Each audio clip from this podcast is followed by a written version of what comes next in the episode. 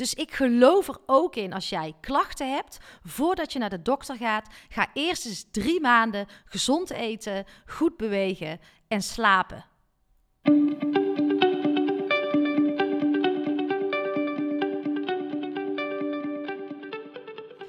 Welkom bij seizoen 3 van de podcast Stilstaan voor Dummies. Een rehab voor druktemakers, eerste hulp bij stilstaan. En dit seizoen gaan we een stapje verder, een stapje dieper. We gaan de stilte doorbreken. Want inmiddels weet je alles over stilte. Want vaker stilstaan is goed voor je lijf, voor jouw mind en voor het luisteren naar dat stemmetje in jou. En durf te luisteren naar wat roept. En dat is al een grote uitdaging. Tijd nemen voor jezelf, aandacht geven aan jezelf, alleen durven zijn met jouw gedachten. En we kunnen niet blijven wachten op de oplossing, op de verlosser die ons komt redden. De oplossing zit niet in veel, in meer, in drukte, in veiligheid, comfort, verdoven of vluchten.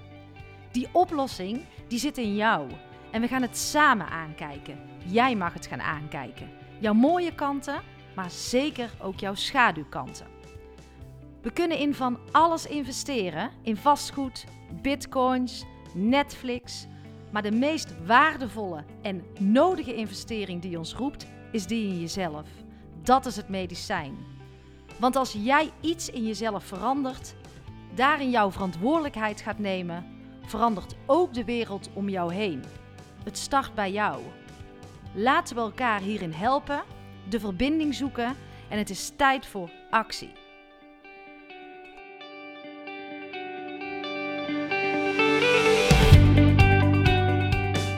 Is weer uh, vrijdagochtend. Leuk dat jullie weer luisteren. Bijna weekend. En in deze Anki Only ga ik iets vertellen over de bold move die ik heb gezet.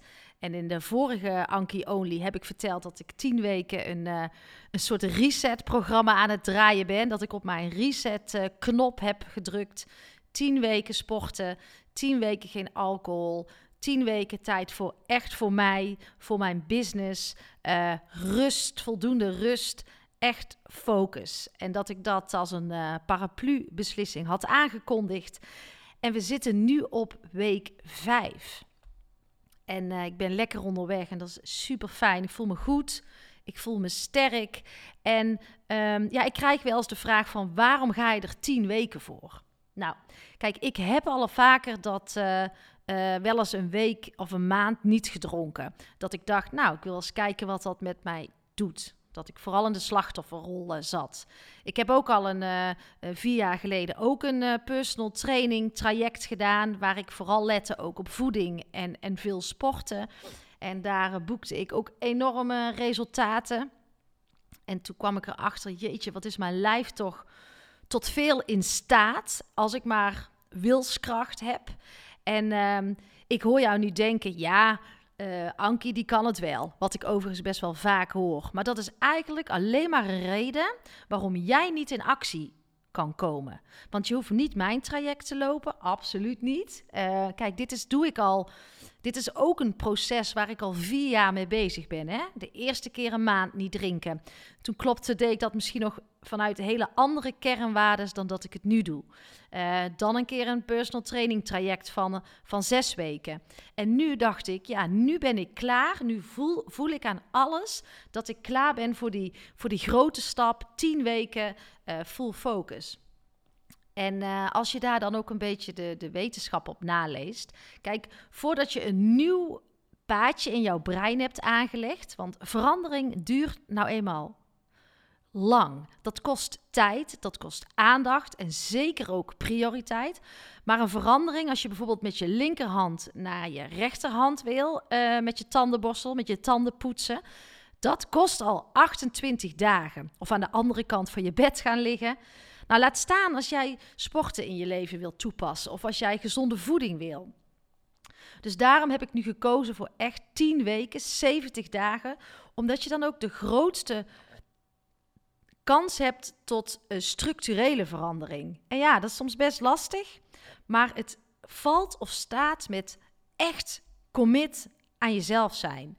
Dus echt tegen jezelf zeggen: ik ga ervoor. En als jij dat stemmetje blijft wegdrukken of het goed blijft praten, ja, Ankie, die kan het allemaal wel, want is zo'n doorzetter of uh, die heeft zoveel wilskracht. Ik heb het allemaal niet. Dan blijf je jezelf ja, een bullshit verhaal vertellen. En dan kan je het ook nog zo ver maken dat je het ook uh, gaat geloven en blijft geloven van jezelf. Dus je zult jezelf een ander verhaal moeten gaan vertellen, want ook jij kan het op jouw manier en wat bij, jij, bij jou past. Uh, je moet je niet vergelijken met mij, uh, maar je mag er wel de energie uithalen om in beweging te komen. Nou, mijn uh, grootste inzichten is dat. Uh, nou, de eerste is door het vaker te doen, um, wordt het steeds makkelijker. Dus uh, ja, ik ben hier nou zeker al. Ik sport al vanaf mijn twintigste wat intensiever. nu doe nu af en toe van die reset-trajecten. Maak die steeds groter, steeds uitdagender voor mezelf. Maar door het vaker te doen, wordt het steeds makkelijker. En zo had ik de vorige keer bijvoorbeeld ook had ik een cheat dag in de week. En die heb ik dus nu helemaal niet. En door helemaal geen suikers te eten, heb ik dus ook helemaal niet die behoefte. Die suikertrigger, die heb ik op, op dit moment ook helemaal niet. Dus dat is fijn. Dus Ga het doen, ga het wat vaker doen en stap uit die slachtofferrol van tekortkoming en, en schaarste. Uh, ga in overvloed denken. Ga kijken wat er allemaal is.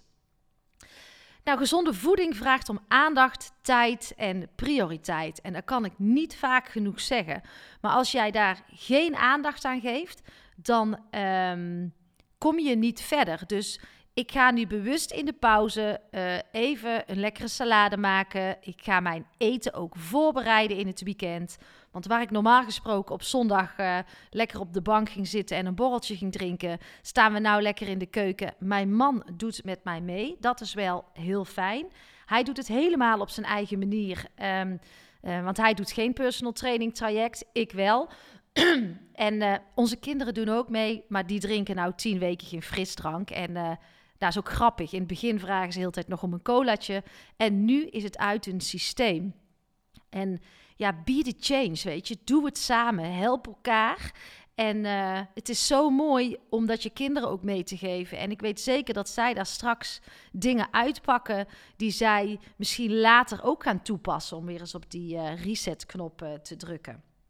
Ja, en ik zei toen straks al even van uh, waarom doe je het wat langer? Wat ik nu ook merk is dat ik steeds bewuster word. Als je het een maand doet, dan zit je meer naar het uh, einde te kijken. Los van het feit dat, uh, dat het lang duurt voordat dat paadje in je, in je hersenen is aangelegd bij verandering. Maar bij een maand zit je meer naar de, naar de einddatum te kijken. En als je het wat langer doet, zit je veel meer naar het proces te kijken. En wij zijn nu, ik ben nu veel bewuster bezig met het proces van wat gebeurt er. En ik stelde mezelf laatst ook de vraag van hoe komt het toch eigenlijk dat ik mijn lichaam toch zo vaak in die reserves zet van, uh, van pieken, lekker doorzakken, uh, niet, ja, een kater op de bank of uh, veel friet eten en dan eigenlijk last hebben van die frietjes. daardoor voel ik ook gewoon heel weinig. Ik merk gewoon als ik lichter eet en gezonder eet, ik veel beter bij mijn gevoel kan. Veel minder vaak met een volle buik of een opgeblazen buik op de bank lig. Dus ja, ik kan wel zeggen dat proces. Um, dat bewustwordingproces is nu wel aangeraakt en in gang gezet. En ik denk als je dat dus een, een maand maar doet, dan zit je veel meer naar die eindstreep en uh, ga je misschien niet zo diep bij, je, bij jezelf. Um, nou ja, ik, ik merk ook dat ik een onwijs sterke mind krijg. Ik voel me heel krachtig. En ik deed dit natuurlijk ook omdat ik een 100 dagen coachingstraject uh, was ingegaan. En uh, ja, ik ben zo gefocust. Ik heb ook zoveel meer tijd. Ik heb meer rust. Um, ik geef dingen veel meer prioriteit. Dus uh, ja, het leidt ook tot een betere focus en, en lekkerder in mijn vel zitten. Absoluut. En als we het dan hebben over het sporten, wat doe ik dan? Ik ga drie ochtenden in de week om zeven uur naar de sportschool. En uh, in het begin dacht ik, wow, zeven uur. Maar ik merkte ook gewoon dat ik de laatste tijd niet goed uit bed meer kwam. Uh, bleef maar een beetje liggen. maar juist door dit wel te doen, ben ik veel energieker en heb ik veel meer zin in mijn dag. Dus ik vertel mezelf eigenlijk altijd het verkeerde verhaal. Dat is helemaal niet waar. Dat zijn mijn eigen gedachten die ik voor waarheid aanneem.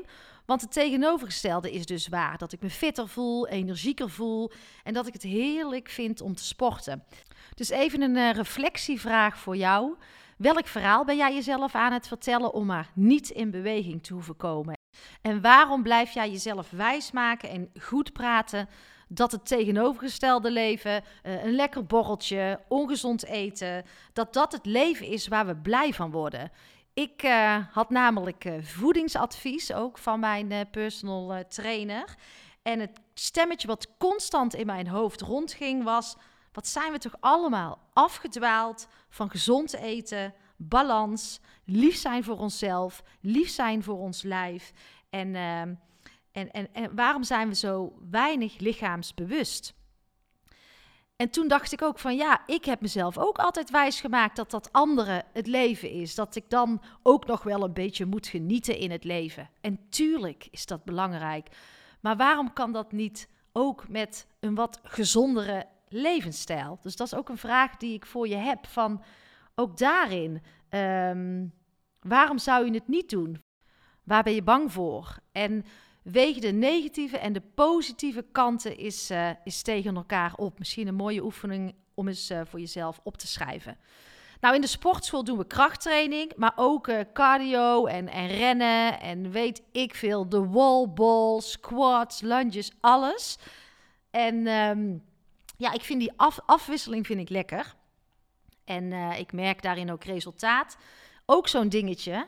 Um, ik was altijd maar met de kilo's bezig. En uh, ja, als ik dan maar minder kilo's had, dan was het beter.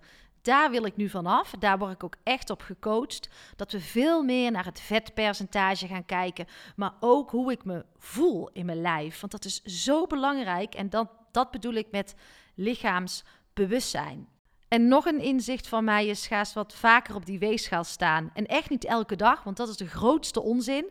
Maar ik had mezelf wijsgemaakt: nou, ik voel mijn lichaam, dus ik weet wat het doet. Nou, en tegelijkertijd uh, kwamen de kilo's erbij. En als ik denk ik eerder op die weegschaal had gestaan, zo één keer in de maand, dan had ik, uh, had ik het meer aangekeken. En nu was ik het aan het goed praten en, en wegkijken. Dus ook dat mag je liefdevol bij jezelf aankijken. En uh, als we dan aan het sporten zijn, dan heb ik vooral heel veel moeite met de oefeningen. En daarom is die mindset training daarin ook zo fijn. Uh, als mijn uh, trainer bijvoorbeeld zegt, je gaat een oefening doen, bijvoorbeeld planken. En dan weet ik niet hoe lang ik moet planken totdat ik weer naar de volgende oefening ga. Nou, dan is de mindfuck in mijn hoofd hoor. Want ik vind het altijd heel fijn om te weten waar ik uh, aan toe ben. Maar dit helpt juist in een stukje controle loslaten, overgave, uh, naar binnen gaan en niet heel erg bezig zijn met uh, nog zo lang. en daarmee train je, en dan geloof ik heilig, ook echt je mindset. Daarmee word je sterker en, en weerbaarder. En Anouk, mijn trainer, noemt dat dan, ik kijk even in mijn boekje, neuromusculaire vermoeidheid. Dat is uh, vermoeidheid vanuit je brein en vanuit je zenuwstelsel. En uh, die vind ik soms misschien wel lastiger dan dat ik daadwerkelijk uh, lichaamsvermoeidheid voel. Daar kom ik wel doorheen. Uh, maar wat ik vooral lastig vind is als ik volloop en uh, mijn spieren, mijn bovenbenen zijn bijvoorbeeld met een oefening vol aan het lopen. Ja, dan word ik gek in mijn hoofd als ik door die verzuring heen moet. En dat is weer een nieuwe uitdaging voor mij om te proberen. Maar ik geloof erin dat ik daardoor weerbaarder en, uh, en sterker word. Ik heb ook lange tijd wat uh, klachten gehad bij mijn slokdarm met mijn spijsvertering. Die zijn helemaal weg. Dus ik geloof er ook in als jij klachten hebt, voordat je naar de dokter gaat, ga eerst eens drie maanden gezond eten, goed bewegen en slapen. Dat zou wat mij betreft iedereen uh, mogen doen. Liever zijn voor je lijf. Je lijf veel meer gaan waarderen. Jezelf veel meer gaan waarderen. En jezelf dus ook een ander verhaal hierin uh, gaan vertellen. Nou, hoe gaat het eruit zien over vijf weken? Geen idee. Maar ik heb tijd en ruimte om hierover na te denken. Ook daarin bewuster te worden. Um, ja, dat gaat wel anders worden, dat weet ik zeker. En daarin ga ik ook weer een goede balans vinden die bij mij past op dat moment. En tuurlijk ga ik jullie ook in uh, dat proces weer uh, meenemen. Nou, fijn weekend en uh, dankjewel voor het luisteren.